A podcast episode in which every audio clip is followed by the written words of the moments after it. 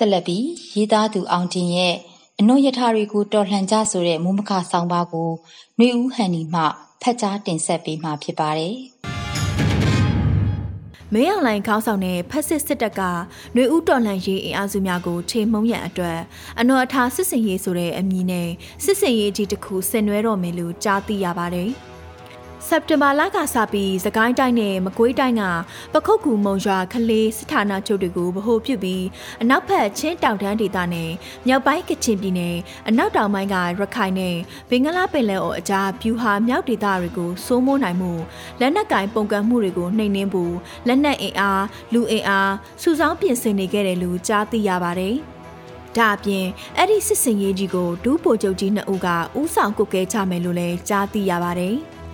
က်စစ်ကောင်းဆောင်မင်းအောင်လိုင်းကသူ့ရဲ့အတ္တမအာဏာသိမ်းပိုက်မှုကိုမအောင်မြင်စေခဲ့တဲ့ຫນွေဥတော်လန်ရေးကြီးတစ်ခုလုံးကိုချိန်မုံအနိုင်ယူချင်တာအံ့ဩစရာမရှိပါ။ຫນွေဥတော်လန်ရေးအင်အားစုများကလည်းဒီအနော်ထားစစ်စင်ရေးကြီးကိုစတင်တိုက်ခိုက်အနိုင်ယူချပါလိမ့်မယ်။အနော်ထားစစ်စင်ရေးကိုချိန်မုံနိုင်ကြပါလိမ့်မယ်။ ဒါတွေမကမြမစစ်ကောင်းဆောင်အဆက်ဆက်ကနှစ်နှစ်ချက်ချိုက်အမွေစက္ကန့်ထားခဲ့တဲ့အနော်ရထာဘရင်နောင်အလောင်းဖျားဥအောင်စရာစတဲ့မြမစစ်ဘရင်တွေရဲ့စစ်ပရိသတဲ့ဝါဒကိုပါအပီးတိုင်ချိန်မုံနိုင်ကြလိမ့်မယ်လို့မျှော်လင့်မိပါတယ်။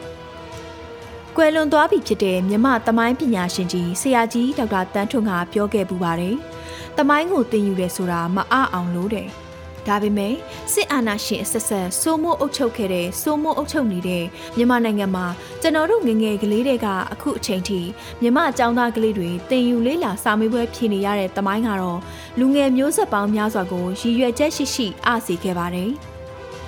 အဲ့ဒီတမိုင်းသင်ခန်းစာတွေမှာဗမာလူမျိုးကြီးဝါဒနဲ့ဗမာစစ်ဘရင်ဝါဒတွေကိုအမွှန်းတင်ထားတာများပြီးလက်နက်အင်အားတိမ်သွင်းတိဆောက်ခဲ့တဲ့အင်ပါရာကြီးတွေကိုပြည်ထောင်စုအဖြစ်လိမ်လည်ဖန်တီးဖော်ပြထားခဲ့ပါတယ်။ကိုတီကိုနန်ကိုပိုင်အုပ်ချုပ်ခဲ့ကြတဲ့တိုင်းရင်းသားမျိုးနွယ်စုတွေကိုဗမာဘရင်ရဲ့လက်အောက်ခံအဆောက်အအုံခံလူနည်းစုများအဖြစ်ဖန်တီးထားပါတယ်။ ပြီးတော့မြန်မာနိုင်ငံကိုအင်္ဂလိပ်နဲ့ဂျပန်လက်အောက်ကနေလွတ်လပ်ရေးရပြီးပါလီမန်ခေတ်မှာလည်းကြောက်ကမ်းမကြီးတဲ့ကြားရောက်ခံသည့်အခြေအနေကနေမြန်မာတပ်မတော်ကကယ်တင်ပေးခဲ့တယ်ဆိုတဲ့ဇလံအတူကြီးကိုဖန်တီးရေးသားတင်ကြားပါသေးတယ်။အဲ့ဒီလိုတမိုင်းသင်ခန်းစာထဲမှာဗမာစစ်ဘရင်ဝါဒကိုဂုံပြုတ်ချီးကျူးရုံတင်မကပါဘူး စာသင်ခန်းထဲမှာចောင်းသားလေးတွေကိုအသင်းလေးသင်းဖွဲ့ခိုင်းပြီးပြိုင်ဆိုင်လှုပ်ရှားခိုင်းတဲ့အခါမှာလည်းကြံစစ်သားဘရင်နောင်အလောင်းဖျားဗန်နူးလာစတဲ့စစ်ကောင်းဆောင်တွေရဲ့အမည်တွေနဲ့အသင်းတွေဖွဲ့စည်းပေးခဲ့ပါသေးတယ်ဒီမြန်မာစစ်ဘရင်တွေအကြောင်းကိုတခမ်းတနာဖွဲ့နွယ်ရေးသားတဲ့ကာတွန်းတွေရုပ်ပြတွေဝိထုဇလံတွေတချင်းတွေစစ်တင်ပြဆက်တွေရုပ်ရှင်တွေကပဲမြန်မာနိုင်ငံရဲ့ဖျော်ဖြေရေးအမှုပညာတွေမှာအကြီးအကျယ်လွှမ်းမိုးခဲ့ကြပါသေးတယ်။ ကြည်ပြက်လာလို့ဘွဲရပြီးဝန်ထမ်းဘဝနဲ့ဗဟိုဝန်ထမ်းလေးချင်ရေးအကြောင်းတွေတက်တော့လဲဒီအသင်းတွေထဲမှာပဲပါဝင်ခဲ့ကြရပါတယ်။ အဲ့ဒီလိုကလေးဘဝတဲကနှုတ်ရထားဘရစ်နောင်အလောင်းဖျားဆိုတဲ့စစ်ဘရင်တွေကိုပထမဒုတိယတတိယမြန်မာနိုင်ငံတော်ကြီးများကိုတီထောင်ခဲ့ကြတဲ့မင်းတရားကြီးများအဖြစ်လေးစားကြည်ညိုအထင်ကြီးတအောင်တင် जा ပေးခဲ့တာမို့ကျွန်တော်တို့အများစုရဲ့လူငယ်ဘဝမှာတိုင်းရင်းသားလူမျိုးစုများရဲ့စစ်မှန်တဲ့အခမ်းကဏ္ဍတိုင်းရင်းသားလူမျိုးစုများရဲ့ကိုယ်ပိုင်အခွင့်အရေးတွေဗမာဘရင်ရဲ့လက်နက်ကင်ကျူးကျော်မှုကြောင့်သူတို့ရဲ့လွတ်လပ်မှုနဲ့အချုပ်ချာအာဏာဆုံးရှုံးရတာတွေဖက်ဒရယ်ပြည်ထောင်စုရဲ့စစ်မှန်တဲ့သဘာဝတွေနားမလည်ခဲ့ကြပဲဗမာလူမျိုးကြီးဝါဒကိုမသိစိတ်နဲ့ဖြစ်စီသိစိတ်နဲ့ဖြစ်စီလက်ခံဂုဏ်ယူခဲ့ကြပါတယ်ဗမာစစ်ဘီရင်ဝါဒကိုကြည်ညိုလေးစားခဲ့ကြပါတယ်အဲ့ဒီအနှွေအထာဘရင်အောင်အလောင်းဖျားဆိုတဲ့အတိတ်ကစစ်ဘရင်ကြီး၃ပါးဟာဗိုလ်ချုပ်မူကြီးတန်းရွှေရဲ့လက်ထက်မှာနေပြည်တော်စီရေးပြကွင်းကြီးတဲ့ကိုရုပ်ထုကြီးများအဖြစ်ရောက်ရှိပြီးမင်းအောင်လိုင်းအပါဝင်ဖက်စစ်တပ်သားတွေရဲ့ပူဇော်ဥခိုက်မှုတွေကိုမိမ့်မိန်ကြီးခံယူနေကြပါတော့တယ်။ AD 1044 1089အထိ33နှစ်တိုင်အောင်ပကံပြည်မှာစိုးစံခဲ့တဲ့အနော်အထာမင်းကြီးကိုပထမမြန်မာနိုင်ငံတော်ကြီးကိုတီထောင်သူအဖြစ်သိမှတ်ပြုကြပါတယ်။အနော်အထာမင်းထီးနှန်းဆန်တဲ့အချိန်မှာပကံကိုဗဟိုပြုထားတဲ့မြန်မာနိုင်ငံရဲ့အကျင့်အဝန်းဟာဒီကနေ့လက်ရှိမြေပုံနဲ့ပြောမယ်ဆိုရင်မန္တလေးမြင်းကြံကြောက်စင်ရမဲသိန်းမိထီလာမကွေးစကိုင်းကတာပခုတ်ကူမင်းဘူးတဝိုက်လောက်ပဲရှိလိမ့်မယ်လို့ခံမှန်းကြပါတယ် သူ့ရဲ့နန်းဆန်တက်တန်းအတွင်မှာမြန်မာနိုင်ငံရဲ့မြေပုံကိုရှမ်းပြည်ရခိုင်ပြည်တထုံမွန်ဒေတာဗမော်မြစ်ကြီးနားမြောက်ပိုင်းဒေသများထိချဲ့ထွေနိုင်ခဲ့ပါတယ်။ချဲ့ထွင်နေဆိုတာကလည်းလက်နက်အားကိုနဲ့တိုက်ခိုက်အနိုင်ယူပြီးလက်အောက်ခံအဖြစ်တင်သွင်းတာပါ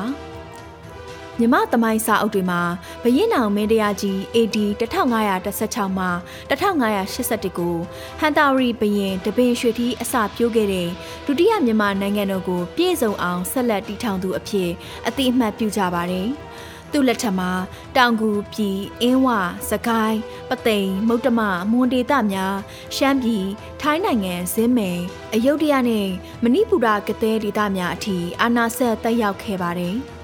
ဘရင်နောင်ရဲ့စစ်တပ်ကြီးဟာအချိန်နဲ့အမျှဒေသပေါင်းစုံကိုကျူးကျော်တိုက်ခိုက်နေရလို့အနာရတဲ့တောင်တိတ်မရှိလာပေမဲ့ဘရင်နောင်ကတော့အရှိတောင်အာရှဒေသအတွင်းတိုင်းနိုင်ငံများကလေးစားကြောက်ရွံ့ခဲ့ရတယ်လို့ဆိုပါတယ်။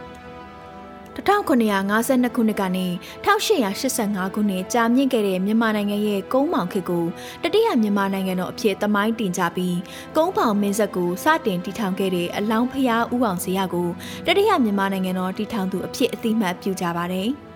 ဦးအောင်စရာလက်ထက်မှာရွှေဘိုမြို့ကစတည်ခဲ့တဲ့နိုင်ငံဟာအင်းဝအပါဝင်ဗမော်မိုးကုတ်မိုးညင်းမိုးကောင်းပြည်စတဲ့အထက်ပိုင်းဒေသများအလုံးထိကျယ်ပြန့်ခဲ့ပါတယ်။အောက်ပြည်မှာမွန်ဒေသရန်ကုန်ပဲခူးတညင်ကိုအောင်နိုင်ပြီးပင်လယ်ထွက်ပေါက်ရရှိခဲ့ပါတယ်။ရခိုင်နိုင်ငံကိုတိုက်ခိုက်သိမ်းပိုက်နိုင်ခဲ့ပါတယ်။ထိုင်းနိုင်ငံကိုအကြိမ်ကြိမ်ကျူးကျော်တိုက်ခိုက်ဖျက်ဆီးခဲ့ပါတယ်။ ရှမ်းစော်ဘတွေကိုတစ္ဆာခံစေနိုင်ခဲ့ပါတယ်။မဏိပူရကတဲ့ပြည်ကိုတိုက်ခိုက်အနိုင်ယူနိုင်ခဲ့ပါတယ်။ယူရီးယားနိုင်ငံကိုကျူးကျော်တိုက်ခိုက်တဲ့စစ်လမ်းကြောင်းတစ်လျှောက်မှာရှိတဲ့တနင်္သာရီဗိတ်ဒေသတွေကိုလည်းအနိုင်ရရှိခဲ့ပါတယ်။ဒီစစ်ဘရင်ကြီးတွေဟာမြမသမိုင်းမှာတော့အင်မတန်အားကောင်းတဲ့စစ်တပ်ကြီးတွေကိုပိုင်ဆိုင်ပြီးအင်မတန်ကျယ်ပြန့်တဲ့နေရာဒေသတွေကိုသိမ်းပိုက်ချဲ့ထွေနိုင်ခဲ့တဲ့အင်မတန်ထင်ရှားတဲ့အင်မတန်ခမ်းနားကြီးကျယ်တဲ့သူရဲကောင်းကြီးတွေပေါ့။ ဒါပေမဲ့သူတို့ရဲ့နေချက်မှုကျူးကျော်မှုတိုက်ခိုက်ဖျက်ဆီးမှုတွေကိုခံစားခဲ့ကြရတဲ့ပြည်သူတွေနိုင်ငံတွေလူမျိုးစုတွေအတွက်တော့သူတို့ဟာလူသက်သမားတွေပါလူသားမျိုးနွယ်စုတွေကိုတပ်ဖြတ်ချေမှုန်းခဲ့တဲ့စစ်ရာဇဝတ်ကောင်တွေပါသူတို့ကျူးလွန်ခဲ့တဲ့ရာဇဝတ်မှုတွေကိုသူတို့ပြုခဲ့တဲ့ဆိုတဲ့ကောင်းမှုတွေနဲ့နှိုင်းယှဉ်လို့မရနိုင်ပါအနော်အထာမင်းကြီးကိုမြန်မာနိုင်ငံမှာထေရဝါဒဗုဒ္ဓခိုင်မာပြန့်ပွားအောင်သာသနာပြုခဲ့တယ်လို့ချီးမွမ်းတတ်ကြပါတယ်။ ဒါပေမဲ့သူတိုက်ခိုက်ဖျက်ဆီးခဲ့တဲ့တထုံဒေတာမွန်တိုင်းရင်းသားတွေအတွက်ကတော့သူဟာလူသက်စစ်ဘီရင်တစ်ပါးသာဖြစ်ပါတယ်။ဘရင်အောင်မင်းကိုလည်း16ရာစုအရှိတောင်အာရှသမိုင်းမှာအကျော်ကြားဆုံးဖုံးတကုတ်အကြီးမားဆုံးဘရင်ကြီးအဖြစ်သမိုင်းမှတ်တမ်းတင်ခဲ့ကြပါတယ်။ဒါပေမဲ့သူ့ရဲ့စစ်ချီယာလမ်းကြောင်းတစ်လျှောက်မှာကြေမော့ပြတ်သုံးခဲ့ရတဲ့မွန်တွေရခိုင်တွေရှမ်းတွေရိုးရီးယားတွေအတွက်ကတော့သူဟာလူသသမားတို့ရဲ့ခေါင်းဆောင်ကြီးပါ။ အလောင်းဖျားဥအောင်စရာကိုမင်းကောင်းမင်းမြတ်တပါအဖြစ်မြမသမိုင်းမှာမှတ်တမ်းတင်ခဲ့ကြပြီမယ်သူရဲ့လက်နက်နိုင်ငံတော်တိစောက်မှုမှာမြေစာပင်ဖြစ်ခဲ့ကြရတဲ့ပြည်သူတွေတိုင်းနိုင်ငံတွေအတွက်ကတော့သူဟာအမြဲတမ်းသွေးစာနေတတ်တဲ့စစ်ဘီရင်တပါသာဖြစ်ပါလိမ့်မယ်လက်နက်အင်အားစစ်အင်အားနဲ့ရက်ဆက်ကြမ်းကြုတ်မှုတွေကိုအသုံးချပြီးချဲ့တွင်တိဆောက်သိမ်းသွင်းခဲ့တဲ့သူတို့ရဲ့လက်နက်နိုင်ငံကြီးတွေဟာလည်းရေရှည်တည်တဲ့ခိုင်မာခြင်းမရှိခဲ့ပါဘူး မတရားတိုက်ခိုက်သိမ်းသွင်းခံရတဲ့ဒေသတွေကသူတို့ရဲ့လွတ်လပ်ရေးအတွက်အမြဲတစေလက်နက်ကင်ပုံကန်ထကြွမှုတွေရှိနေခဲ့ပါတယ်။နေပြည်တော်နဲ့အလှမ်းဝေးလီလီအုပ်ချုပ်ဖို့ခက်လီလီပါ။ဘရင်ကိုတက်ရင်ဘရင်ဖြစ်တဲ့ခင်မို့သူတို့ရဲ့နန်းတော်တွေမှာလည်းထီးနှံလူဖို့ကြံစီကြသူတွေနဲ့နန်းတွင်အရှုပ်တော်ပုံတွေလည်းရှိခဲ့ကြပါတယ်။အုတ်ချုပ်ခံပြည်သူတွေကိုယ်တိုင်ကအုတ်ချုပ်သူမင်းအပေါ်မှာအယုံအကြည်ကင်းမဲ့ပြီးစန့်ကျင်ပုံကန်ကြတာတွေလည်းရှိပါတယ်။ သူတို့ထပ်ပိုပြီးအားကြီးတဲ့နိုင်ငံတွေကရန်စကျူးကျော်တာတွေလည်းရှိခဲ့ပါတယ်။ဒီလိုနဲ့ပဲသူတို့ရဲ့တိဆောက်ခဲ့တဲ့လက်နက်နိုင်ငံတော်ကြီးတွေဟာပြည်တွင်းမငြိမ်မသက်မှုတွေပုံကံမှုတွေကြောင့်ဖြစ်စေပိုပြီးစစ်အင်အားကောင်းတဲ့နိုင်ငံကြီးတွေကကျူးကျော်တိုက်ခိုက်လို့ဖြစ်စေရေရှည်တည်တဲ့ခြင်းမရှိဘဲပြိုကွဲခဲ့ကြရပါတယ်။ဒီစစ်ဘရင်ကြီးတွေတိဆောက်ခဲ့တဲ့လက်နက်နိုင်ငံကြီးတွေဟာပြည်ထောင်စုတွေမဟုတ်ကြပါ။ လက်နက်အင်အားစစ်အင်အားကြီးမားတဲ့နိုင်ငံကြီးကလက်နက်အင်အားစစ်အင်အားနှဲပါတဲ့နိုင်ငံငယ်လေးတွေကိုအကြမ်းဖက်တိုက်ခိုက်ရေးဖြစ်စေချင်းချောက်ရေးဖြစ်စေလက်အောက်ခံပြုတဲ့တပြည်တော်စနစ်ပဲဖြစ်ပါတယ်ဒီလက်နက်နိုင်ငံကြီးတွေမှာပါဝင်ခဲ့ကြရတဲ့နိုင်ငံငယ်လေးတွေလူမျိုးစုငယ်လေးတွေဟာသူတို့ရဲ့အလိုဆန္ဒနဲ့ပါဝင်ခဲ့ကြတာမဟုတ်ဘဲအတင်းအဓမ္မတိမ့်သွင်းခံခဲ့ကြရတာပါ။ စစ်နိုင်ဘရင်ရဲ့အုပ်ချုပ်မှုလက်အောက်မှာလက်အောက်ခံဒေသတွေဟာတန်းတူညီမျှမှုတွေခံစားခွင့်မရခဲ့ကြပါကိုထီကိုနန်းနဲ့လွတ်လပ်စွာရပ်တည်နိုင်ခဲ့ပြီးမှစစ်ရေးရှုံးနေမှုကြောင့်စစ်နိုင်ဘရင်ရဲ့အင်ပါရာကြီးတဲ့အလိုမတူပဲအထမသိမ်းသွင်းခံခဲ့ရတဲ့နိုင်ငံတွေမှာလူမျိုးစုတွေမှာလွတ်လပ်လိုတဲ့စိတ်တွေအမြဲတမ်းစာလောင်နေပါလိမ့်မယ်။တ ဒီကနေ့ຫນွေဦးတော်လန်ရေးကြီးကိုမြန်မာပြည်သူအပေါင်းတို့ဆင်နွှဲကြရမှာစစ်မှန်တဲ့အားလုံးပါဝင်တဲ့ဒီမိုကရေစီဖက်ဒရယ်ပြည်ထောင်စုကြီးကိုအသစ်တည်ဆောက်ကြမယ်လို့ယုံကြည်ချက်ထားကြပါတယ်။ဒါပေမဲ့မင်းအောင်လှိုင်ရဲ့ဖက်စစ်စစ်တပ်ကြီးကိုချိန်မုံအနိုင်ရယုံတဲ့ဖက်ဒရယ်ပြည်ထောင်စုကိုတည်ဆောက်နိုင်မှာမဟုတ်ပါ။ အတိတ်ကမြန်မာစစ်ဘရင်တွေရဲ့တိုင်းရင်းသားလူနည်းစုတွေအပေါ်အနိုင်ကျင့်ရက်ဆက်ခဲ့တာတွေသူတို့ရဲ့နိုင်ငံတွေနယ်မြေဒေသတွေကိုကျူးကျော်သိမ်းပိတ်ခဲ့တာတွေကိုကျွန်တော်တို့သိနာလေဖို့လိုအပ်ပါတယ်။လက်ရှိမြန်မာနိုင်ငံရဲ့မြေပုံနဲ့နမိတ်ထဲတိုင်းရင်းသားများရဲ့ပါဝင်မှုဟာသူတို့ရဲ့ကိုယ်ပိုင်ဆန္ဒကြောင့်မဟုတ်ပဲရှေးကမြန်မာစစ်ဘီရင်များနဲ့လက်ရှိမြန်မာစစ်ဝါဒီများရဲ့အထမသိမ်းသွင်းခဲ့မှုကြောင့်ဖြစ်တယ်ဆိုတာကိုလက်ခံဖို့လိုအပ်ပါတယ်။ ဒီကနေ့အထိမြန်မာနိုင်ငံကိုပြည်ထောင်စုနိုင်ငံတစ်ခုအဖြစ်ကြွေးကြော်နေပေမဲ့တိုင်းရင်းသားလူနည်းစုတွေဟာဗမာလူများစုနဲ့နှိုင်းယှဉ်ရင်ဒန်းတူညီများအခွင့်အရေးတွေမရကြဘူးဆိုတာကိုလည်းသိနာလည်ဖို့လိုအပ်ပါတယ်။စစ်မှန်တဲ့ဖက်ဒရယ်ပြည်ထောင်စုနိုင်ငံမှာတိုင်းရင်းသားများအားလုံးသူတို့ရဲ့ကိုယ်ပိုင်ဆန္ဒနဲ့ပါဝင်နိုင်ကြဖို့လိုပါတယ်။ဒန်းတူညီမျှအခွင့်အရေးတွေရကြဖို့လိုအပ်ပါတယ်။ သူတို့ကပြည်ထောင်စုမှာမပါဝင်တော့ပဲကိုပိုင်နိုင်ငံပြည်လဲတိဆောက်ရေးလမ်းကြောင်းကိုရွေးချယ်မယ်ဆိုရင်လေသူတို့မှာကိုပိုင်ဆုံးဖြတ်ခွင့်ရှိတယ်ဆိုတာကိုလက်ခံဖို့လိုပါတယ်။သူတို့မှာဆုံးရှုံးခဲ့တဲ့အချုပ်ချာအာဏာကိုပြန်လဲတိဆောက်ဖို့လွတ်လပ်ရာလမ်းကြောင်းကိုရွေးချယ်ဖို့အခွင့်အရေးရှိရမှာပါ။ သူတို့တွေကဗမာလူများစုအပေါ်ယုံကြည်မှုရှိပြီးပြည်ထောင်စုကြီးထဲမှာကိုပိုင်ဆန္ဒနဲ့ပါဝင်လာနိုင်ဖို့အတွက်ဆိုရင်ကျွန်တော်တို့အုံနောက်ထဲမှာဆွဲကပ်နေတဲ့မြန်မာစစ်ဘရင်ကြီးတွေအပေါ်အထင်ကြီးတဲ့စိတ်တွေဗမာလူမျိုးကြီးဝါဒအပေါ်တာယာမှုတွေကိုဖယ်ရှားပစ်ဖို့လိုပါတယ်။ ကျွန်တော်တို့နှလုံးသားထဲမှာကဲ့ညိနေနိုင်တဲ့အတိတ်ကလက်နက်နိုင်ငံတော်ကြီးတွေကိုလွမ်းဆွတ်ဂုံယူနေမှုတွေပကံနိုင်ငံတော်ကြီးကိုပြန်တန်းတာတာတွေအနော်ရထကိုအထင်ကြီးတာတွေဘရင်နောင်အတွက်ဂုံမြောက်ခဲ့တာတွေအလောင်းဖျားဥအောင်စရာရဲ့အောင်မြေကိုမှနင်းကျင်ချတာတွေကိုဖယ်ရှားနိုင်ဖို့လိုပါတယ်။ တကောင်းအပိယာစာဒုပမာတာကီမျိုးဟာမူမညိုးကုံတေစာများစွာပတိုင်းများကိုပါ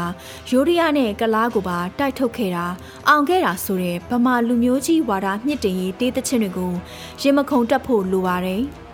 ဗမာလူမျိုးအများစုအပေါ်မှာမတိမတာဖြစ်စေတိတိတတာဖြစ်စေလွှမ်းမိုးထားတဲ့အနောထားဆန်နဲ့အတွေးခေါ်ရီအနောထားဖြစ်ခြင်းတဲ့စိတ်တွေအနောရထားလုတ်ခဲ့တာမှန်နေလို့ယုံကြည်ထားမှုတွေကိုပြက်ပြက်တသားဖယ်ရှားနိုင်မှာပဲတိုင်းရင်းသားတွေရဲ့ယုံကြည်မှုကိုရရှိပြီးတိုင်းရင်းသားအလုံးတန်းတူညီမျှကိုပိုင်ဆန္ဒနဲ့ပါဝင်ကြတဲ့စစ်မှန်တဲ့ဒီမိုကရေစီဖက်ဒရယ်ပြည်ထောင်စုကြီးကိုအမှန်တကယ်တည်ဆောက်နိုင်မှာပါဆိုတဲ့အကြောင်းကိုတင်ဆက်ပေးလိုက်ရပါတယ်ရှင်။